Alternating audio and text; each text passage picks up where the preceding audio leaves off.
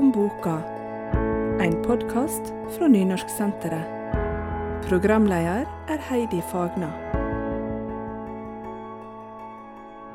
Heavykatten ser ut som en vanlig katt. Han har kanskje litt lengre pels, bryr seg ikke så mye om å stelle han. Men ellers har han fire poter, ca. tolv følehår, to øyre og to øyne. Og så hale, da, sjølsagt. Det som skiller han mest fra de andre kattene, er stemma. Ei hås kvesing som minner mest om en forkjølt pytonslange. Tøft! kveser han når han syns at noe er tøft. Og det er som oftest heavymusikk. Han elsker nemlig heavy, og det er sånn han har fått navnet sitt. Det er sommerferie, og heavykatten kjeder seg. Han sitter inne på kafeen med Walkman på, drømmer seg vekk til utlandet. Der er det mange andre som liker heavy. Her i byen er det bare han. Og som katter flest liker han best dyr som liker det samme som han. Nå kommer det f.eks. ei som han ikke tåler trynet på inn døra. Diskodansemusa går rett forbi uten å se på han. Hun kjøper et glass med juice, finner et blad hun gjemmer seg bak. Heavykatten skuler bort på henne. Sos! tenker han med smale øyne. Roald eh, Kaldestad. Ja. Du har skrevet fire bøker om eh, Heavykatten, som noe uvillig vært venn med diskodansemuser som vi møtte så vidt her. Hun elsker disko, og så er det pinnsvinet Philip, som er glad i lyrikk. Eh, Den første boka om denne gjengen her eh, var boka som du debuterte med i år 2000. Det er jo, eh, det går snart an å kalle det en mannsalder, faktisk. Det er helt sant. Siden da har du skrevet tre bøker til om Heavykatten. Hva slags univers er det du har skapt? Ja, det er jo, eh, det er jo en plass som minner litt om eh, Lærvik, vil jeg si. En liten by. Og så begynner det jo da med at det er sommerferie. Og Heavykatten er helt alene av eh, det er på, hans alder da, i denne byen. Og det er bare to andre på hans alder der, og da er to stykker som han liker veldig dårlig. da. Og så er det liksom to måneder sommerferie. Jeg husker jo hvor ekstremt lang den ferien var når alle vennene mine hadde reist vekk. Og vi skulle være hjemme, selvfølgelig. Så det var det som var utgangspunktet. Jeg tenkte hva i all verden skal de der eh, tre eh, små luringene finne på, liksom? Og de hater jo hverandre. Og hva, kan de finne på noe i lag? Går det an, liksom? Og ut fra dette har du skapt noe som, som fenger, fordi de lever jo fortsatt etter så lang tid. Ja, det er jo helt utrolig, altså. Eh, det er jo Faktisk, jeg har blitt en gammel mann og reiser fortsatt rundt og, og banger og skrever og spiller Helvekatten. Det hadde jeg ikke trodd, altså.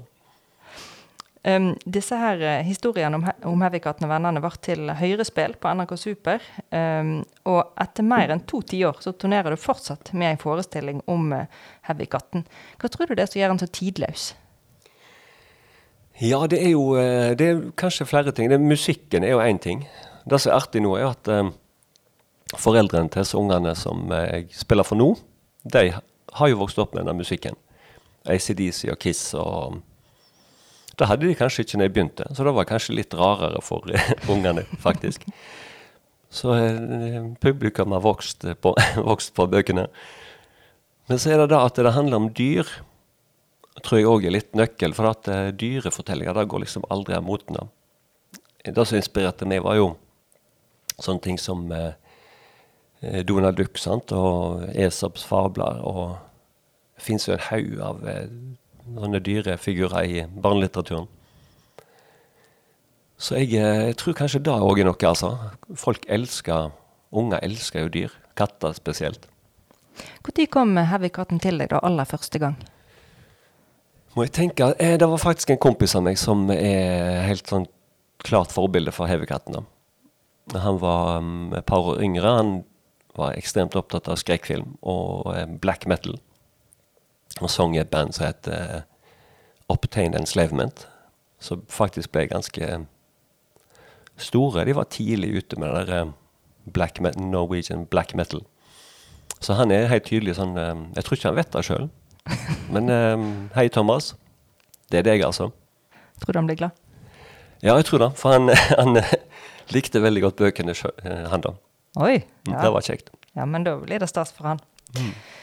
Um, sangen om uh, Heavykatten ligger på nynorsksenteret.no. Um, vi skal bare spille av et lite utdrag her, og så kan folk finne den der på nynorsksenteret hvis de har lyst til å høre hele.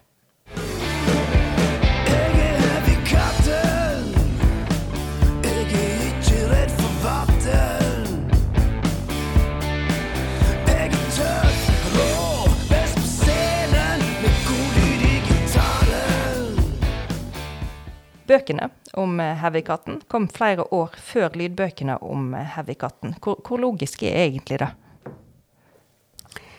Ja, det kan du si. Eh, lydbøkene kom jo kjempeseint. Men de ble jo som sagt først Barnetimen. Det kom ganske kjapt etterpå. De to første bøkene ble eh, hørespill. Så den første eh, boka ble lest inn av meg og bror min Åsmund Kallestad. Og Jorunn Thorsheim, som eh, var diskodansemusa. Perfekt eh, diskodansemus. Um, men eh, nei, det er jo Det ble kanskje mer satsing på lydbøker på 2000-tallet. Det ble kanskje lettere. Det ble jo selvfølgelig billigere. Det har jo med teknologi å gjøre. Så um, i 2007, var det da? Nei, 17. 17. 17. Tida går. Så kom de jo ut, eh, alle fire bøkene, på um, Storytel. For sjøl så hørte jeg denne historien som lydbok før jeg las boka. Og du las jo her til oss i stad at Heavykatten har ei raspet røyst både når han snakker når han fram, og når han framfører heavy-musikken sin. Um, eh, og da har jeg tenkt, er dette ei bok som du ser for deg at hvem som helst klarer liksom å yte rettferdighet når vi skal formidle henne? Det er et veldig godt spørsmål, for at eh, jeg, jeg kjenner jo masse lærere som bruker denne boka år etter år. Leser den eh, om igjen og om igjen, og det er jo ekstremt kjekt. da. Men de sier jo da at når de har lest eh, boka, så er de jo helt eh, ødelagt i stemmen av all raspinga. jeg fikk jo litt kritikk for det i en, en sånn barnebokkritikk. Hun likte ikke så godt av det, altså, så masse rasping. Nei. Og Det er kanskje litt unødvendig at jeg skriver det hver gang, at det er raspa, men jeg syns jo at det lager liksom, bygger litt karakteren, da. Absolutt. Absolutt. Men det er jo eh, jækla stress da, hvis du skal herme etter alle disse stemmene. så Ja. så um, lykke til med det. Ja. jeg kjente meg litt eh, mangelfull når jeg skulle framføre Heavykatten sjøl. Ja. Du, du har skrevet litt uh, forskjellig. Du har òg skrevet noen ganske annerledes bøker. Eh, Store norske leksikon syns jeg oppsummerte dette her ganske bra. Forfatterskapen til Kaldestad er et samspill mellom tekst og musikk. Han nytter sine egne låter, som tilfører fortellingene kraft og truverd. Slutt.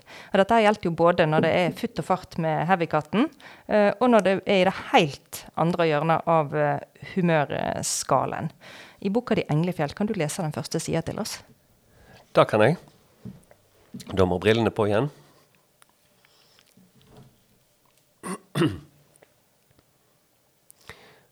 Om kvelden, når hun ligger i senga, vinden rusker i hagen, står stjernene over Englefjell. Hun bor innerst i en fjord med høye fjell på alle sider. Englefjell er det høyeste. Der er det alltid snø på toppen. Det er ikke så mange å være med i bygda, jeg gjør ikke så masse. På skolen sitter hun ofte for seg sjøl på en benk borte med gjerdet, ser utover bakkene. Hun liker å være alene. Og aller best liker hun å sitte og lese i en mjuk stol i stua hjemme. I bøkene er det fint. Det er akkurat så hun glemmer hvor hun er. Helt til katten kommer, da.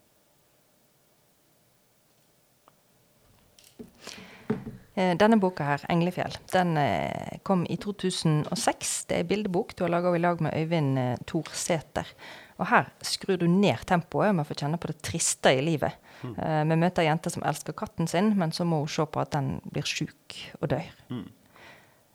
Hvor, eh, hvor kom den boka ifra?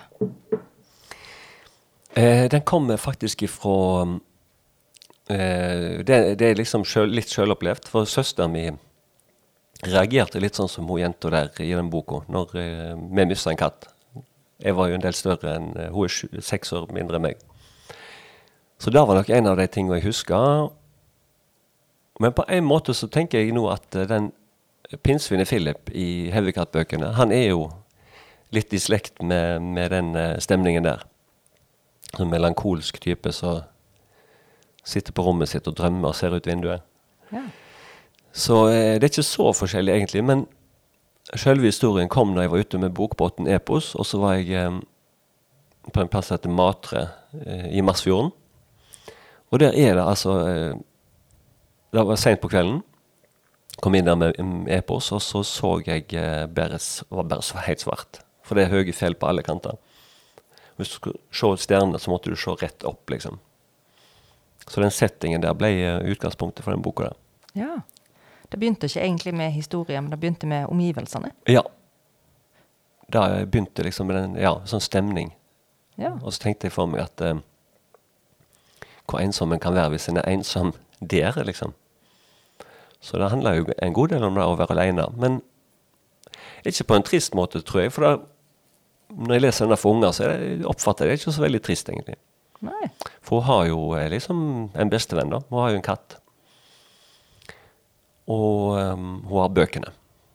Det er liksom to, to viktigste ting for henne. Og så dør jo katten, ja. Men det er jo eh, hjerteskjærende, da. Men Men eh, så handler jo boka egentlig litt om, om at en må ta vare på alle de fine minnene. At det på en måte Da lever katten videre i henne, da. Så det er, jeg var ikke egentlig meningen å skrive noe sånn veldig trist. Skrive noe fint var egentlig tanken. Hva syns ungene, da, når du presenterer boka for dem? Nei, de reagerer faktisk eh, ikke De sitter ikke og griner, liksom. De, eh, de sier at det var en veldig fin historie. Ja. Ofte. Går bra. Det er kjekt. Um, vi får ikke vite hva denne jenta heter. Vi får bare se hvor godt hun har det med katten i starten, og så får vi se hvor trist hun er når han eh, blir syk og dør. Uh, og til slutt i boka så lar hun vinden frakte seg opp til toppen av Englefjell, der hun hører stemmer til katten igjen. Kan, kan du lese nest siste side? Det er ikke så mye tekst, men det er bitte litt. Eller nest siste er det for så vidt litt mer på, kanskje. Den. Ja.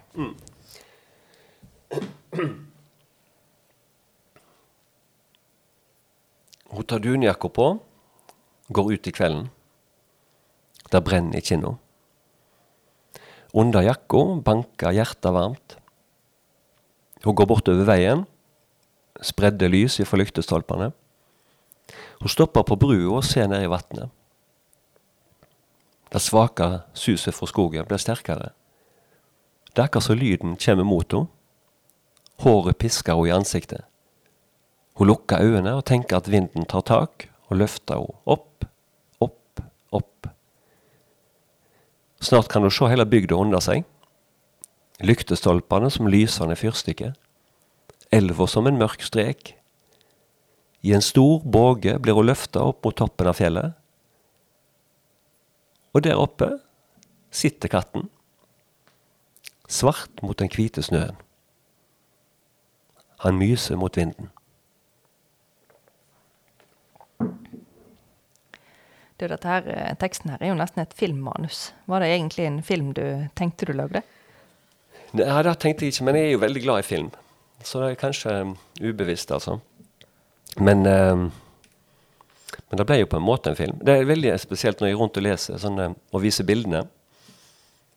Spesielt i denne 269 dager, den siste boka mi, så, så opplever ofte ungene det som at de har vært på film. Ja. Det er veldig spesielt. For de ser liksom eh, Fokuserer på ulike ting i bildet. Og det beveger seg på en, på en måte.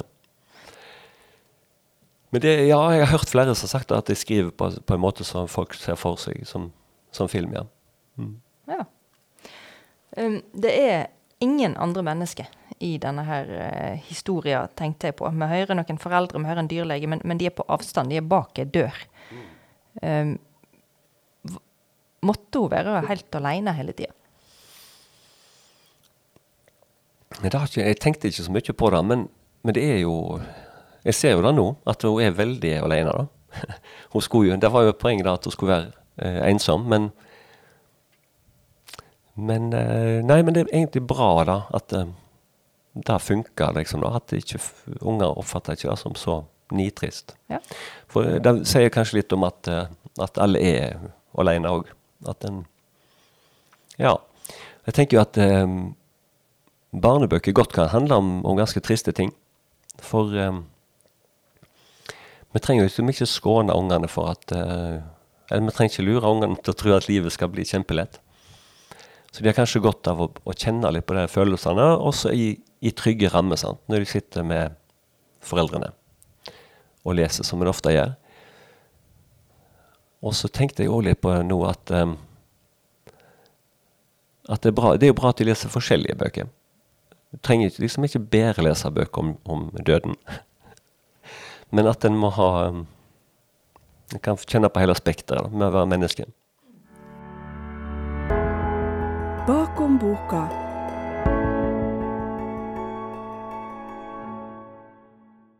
Du nevnte boka som heter 269 dager. Eh, den ga du ut i 2014.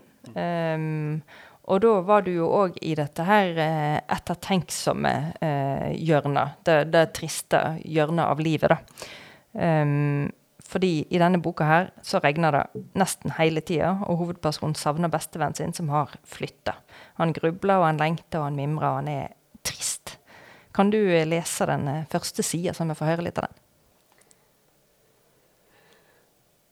269 dager med regn. Han ser lauet dette som kalenderark i Fortreo. 269 dager. Og hver gang det regner, så savner han sin beste venn.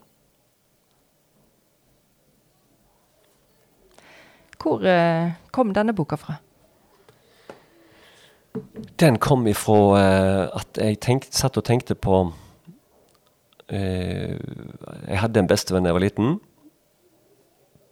Og så tenkte jeg at det da jeg frykta aller mest da jeg var liten, det var at han skulle flytte. Så da begynte jeg egentlig å skrive om det. Men denne her òg begynte med at jeg satt og så ut vinduet. Det begynner ofte med det. Sitter og ser ut vinduet med et ark, og så skriver jeg det jeg ser. Og det regner altså Det gjør det jo på Stord. Eh, så så jeg i BT samme dag en liten notis om at eh, året før så hadde det regna 269 dager i Bergen. Så ut ifra de eh, to tingene der, så begynte jeg å tenke Hva om han gutten her sitter og lengter etter bestevennen sin hver gang det regner? Det ble ganske masse eh, lengt. ja. Og så Ja, så kom liksom historien ut av det. Ja, Så du starta faktisk med omgivelsene i denne boka òg? Mm. Det gjorde jeg. Så det er Nei, det er mm, Hvor kom resten ifra? Um, nei, da, da balla det liksom på seg. Så ble det plutselig en liten historie. Ja. Mm. Er du en person som var på stemninger?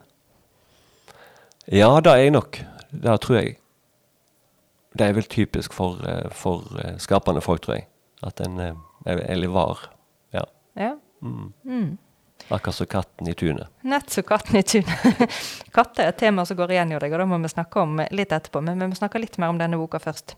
Eh, For tittelen 269 dager, eh, den viser du altså til tallet på regndager siden vennen flytta. Ikke totaltallet eh, dager siden hun flytta, for det har gått et helt år, får vi vite i boka. Eh, har han det da såpass greit på disse regnfrie dagene at da går det bra? Ja, da har han det sikkert bra. Det har jeg ikke skrevet om, da. For da er, Jeg pleier å snakke del med ungene om dette. her, For det er jo veldig mange ting som ikke står i bøkene. Det er jo, det er jo sånn punkt, punktvis, eh, liksom. Eh, og det står jo ikke hvor gammel gutten er, det står ikke hva han heter, og det står ikke hva han gjør på soldagene. Så da må en liksom dikte, dikte videre sjøl. Men denne boka her den minner jo litt om englefjell i stemning, men blir heller ikke oppfatta som så trist altså, av, av ungene. Nei, Hva Så- respons gir de på den? Nei, denne her leser jeg ekstremt masse på skolebesøk nå. Lagt en forestilling i lag med Roy Ole Førland, eh, som er min eh, eldste venn. Han ble jeg kjent med første dag i første klasse på Rommetveit skole. Så vi reiser rundt nå 43 år etterpå og snakker om å ha en bestevenn som reiser vekk. Eh, og skulle tro at det da blir veldig trist, men eh, det er litt samme responsen som Englefjell. Altså at det, ungene kommer bort og sier at det, å, det var en fin historie. Hvor bra. Mm. Det er veldig, ja, det er veldig kjekt. Og bra òg, ja. Jeg har jo ikke lyst til å reise rundt og trykke de ned, liksom, med mine, med mine sånn middelalderproblem. det, det er jo veldig dumt. Unger tåler ganske mye mer enn en tror ofte. Ja, det er akkurat det. De skal ikke undervurdere unger, altså. Men eh, det er ikke den enkleste tittelen du kunne valgt. da. 269 dager. Hvor, hvorfor skulle boka hete et langt tall? Nei, da er Jeg syns bare det var en veldig flott tittel. Det var et band som heter 120 Days en gang.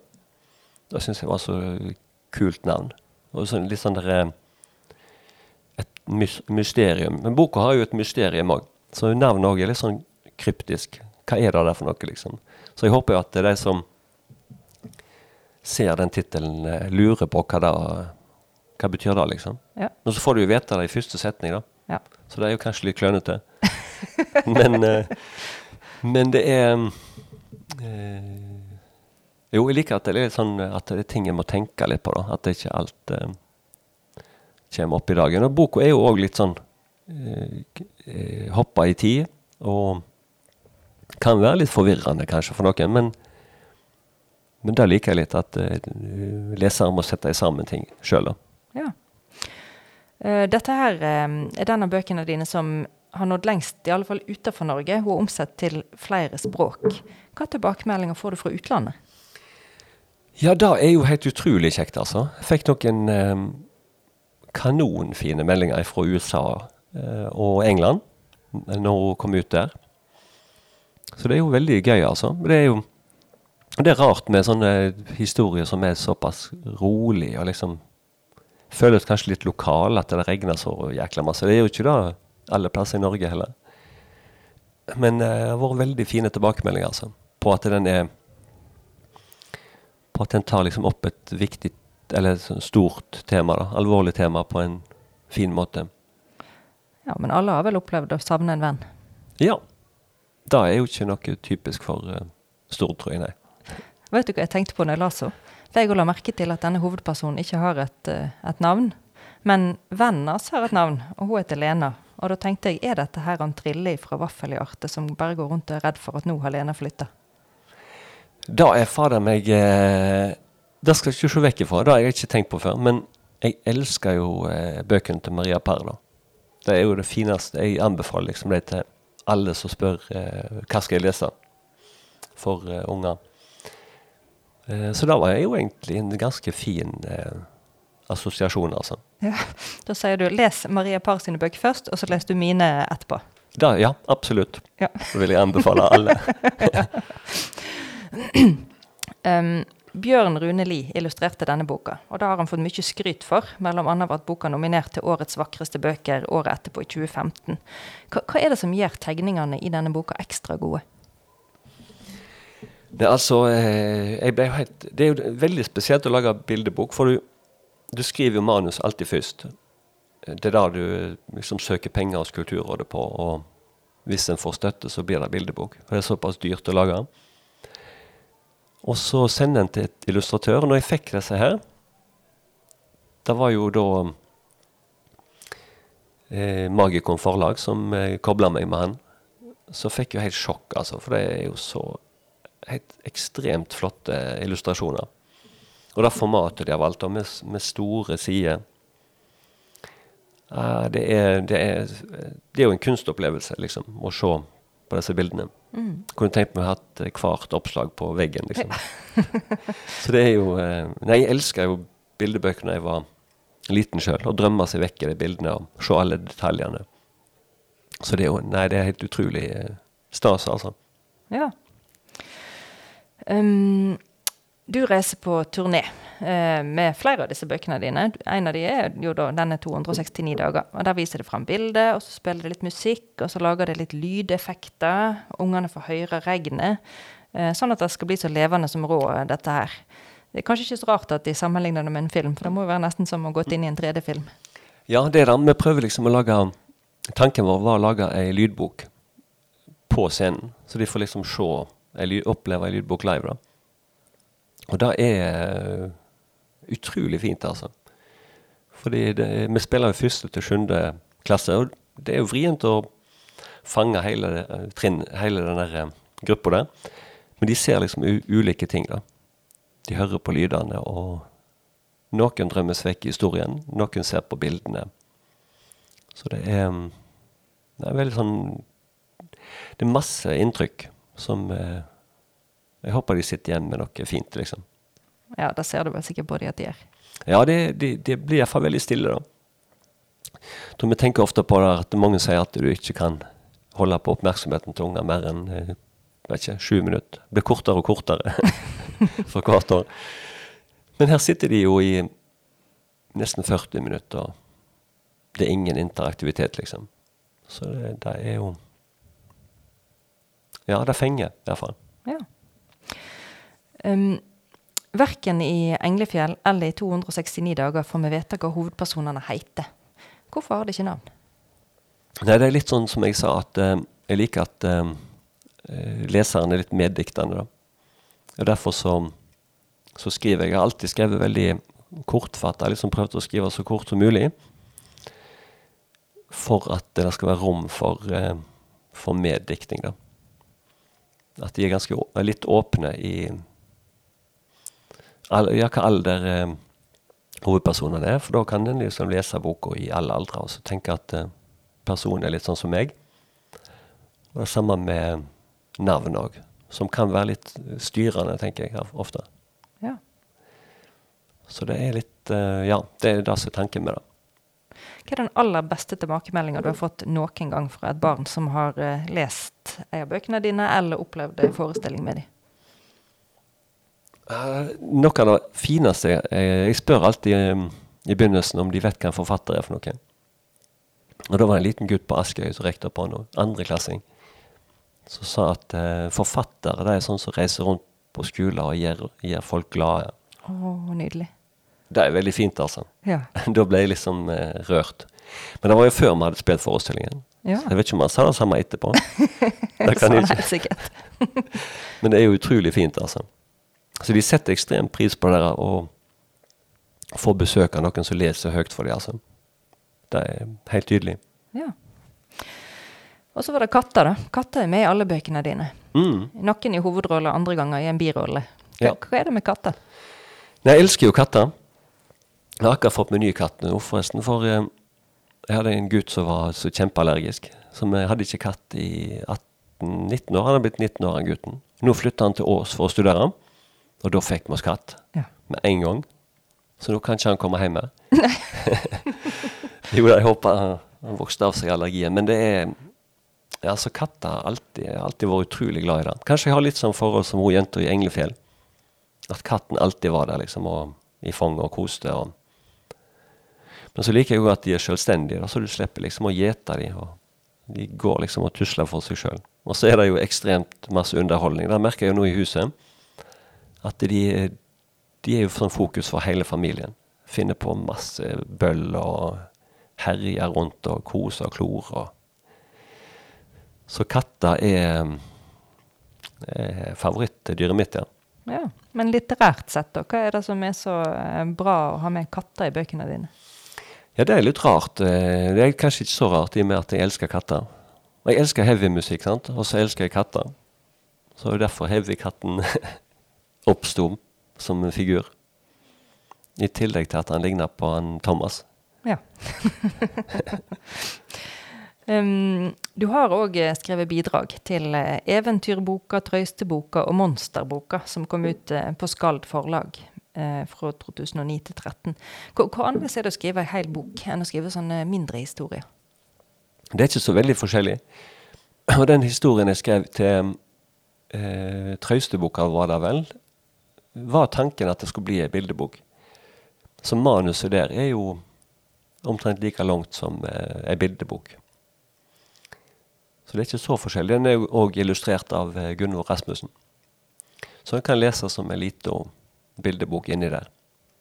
Som faktisk er litt i slekt med disse her. Den var tenkt som en triologi, de bøk, tre bøkene. Ok. Men i alle fall så um, så er det ikke så veldig forskjellig, nei. Ikke med bildebok, iallfall. For det, er- det skal jo være ekstremt kortfatta for å gi plass til, til bildene som forteller hele, eller en annen historie eller en større historie. Um, fire bøker om uh, Heavykatten, og så disse her to eh, som har et, en annerledes stemning. 'Englefjell' og 269 dager. Uh, det er musikk, tydelig lydbruk eller rytme i, i alle bøkene dine.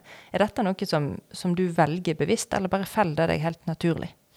Det med rytmen Ja.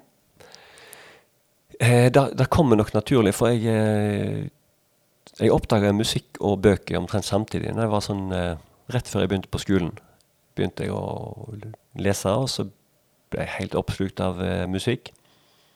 Så det henger sammen for meg. altså. Jeg lå ofte og leste på kvelden når alle hadde lagt seg altfor seint, og så hørte på musikk og leste. Så kanskje det ble liksom en to sider av samme sak for meg.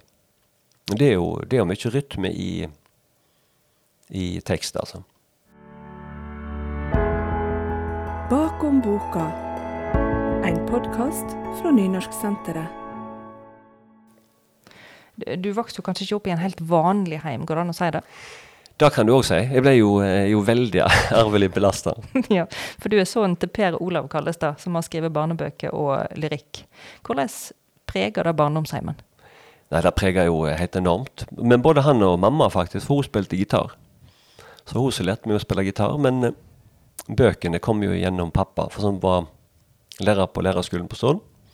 Som hadde nøkkel til biblioteket på lærerskolen. Så vi gikk jo bort der og lånte bøker hvor tid vi ville. Og det er veldig sterke minner for meg da, om eh, å låse seg inn der og eh, krible i magen, liksom. Alle de bøkene, alle de historiene. Fantastisk eh, skattekammer, liksom, av eh, For en liten unge da, som liker å lese. Er- Og så hørte jeg jo at han skrev sjøl. Han satt og skrev på en sånn gammel skrivemaskin.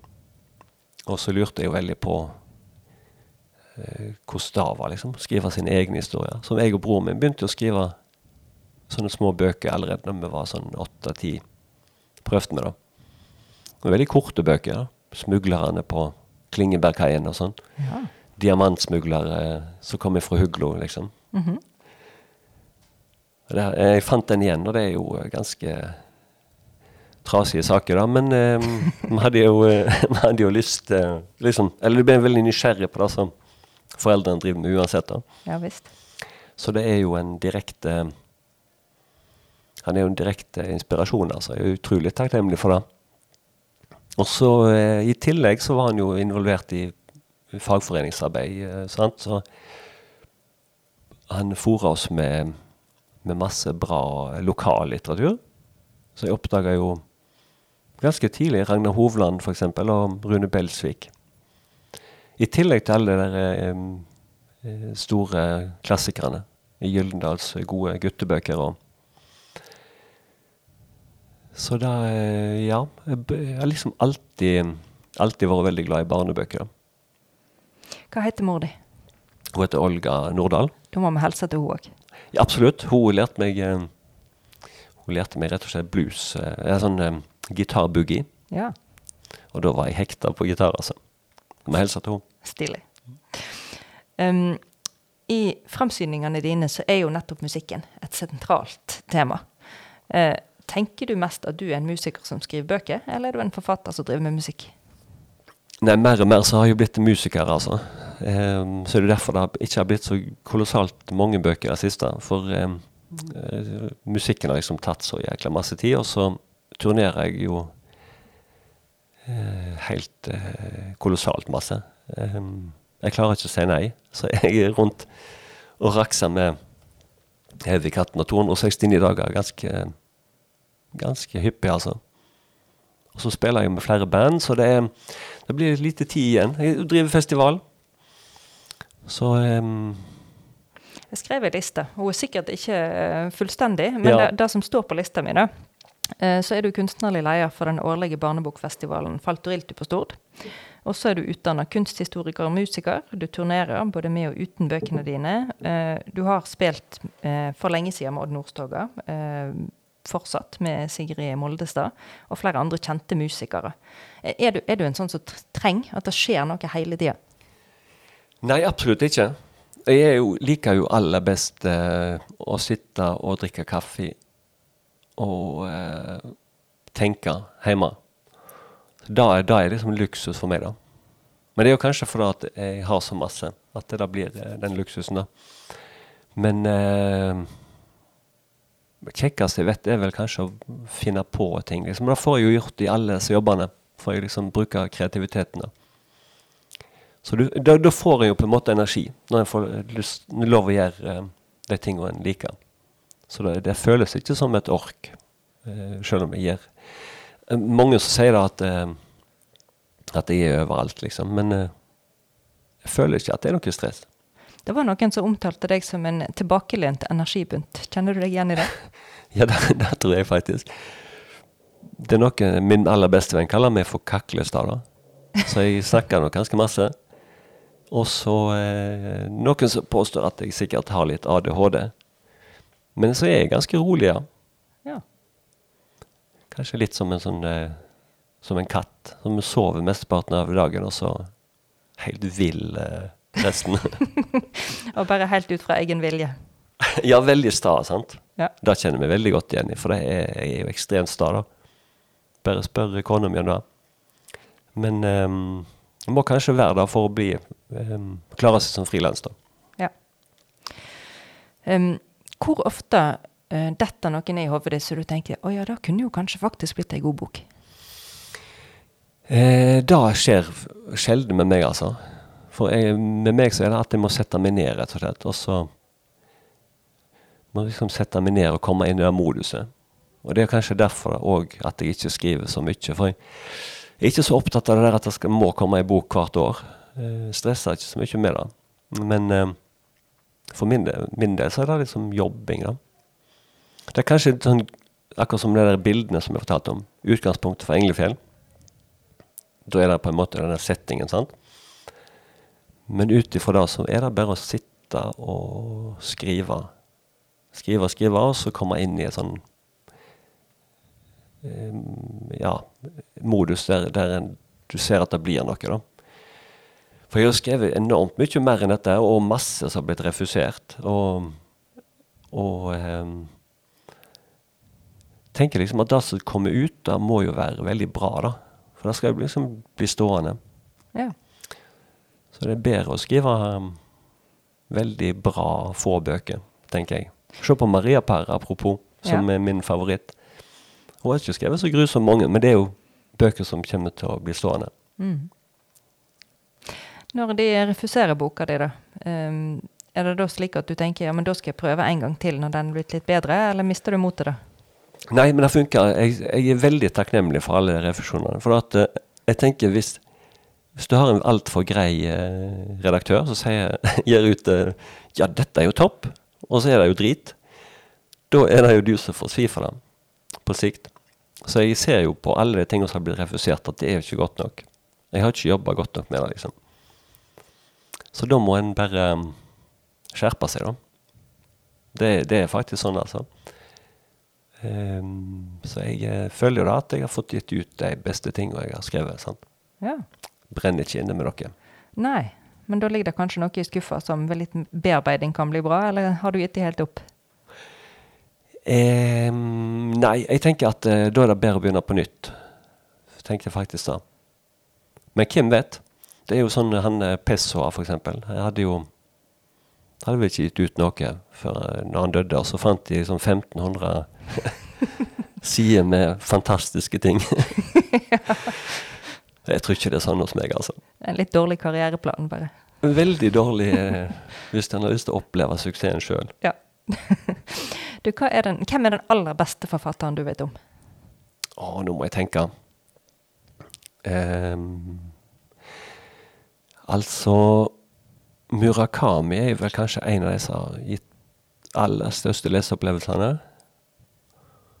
Så har jo Ragnar Hovland, da. Um, Cormac, Cormac McCarthy.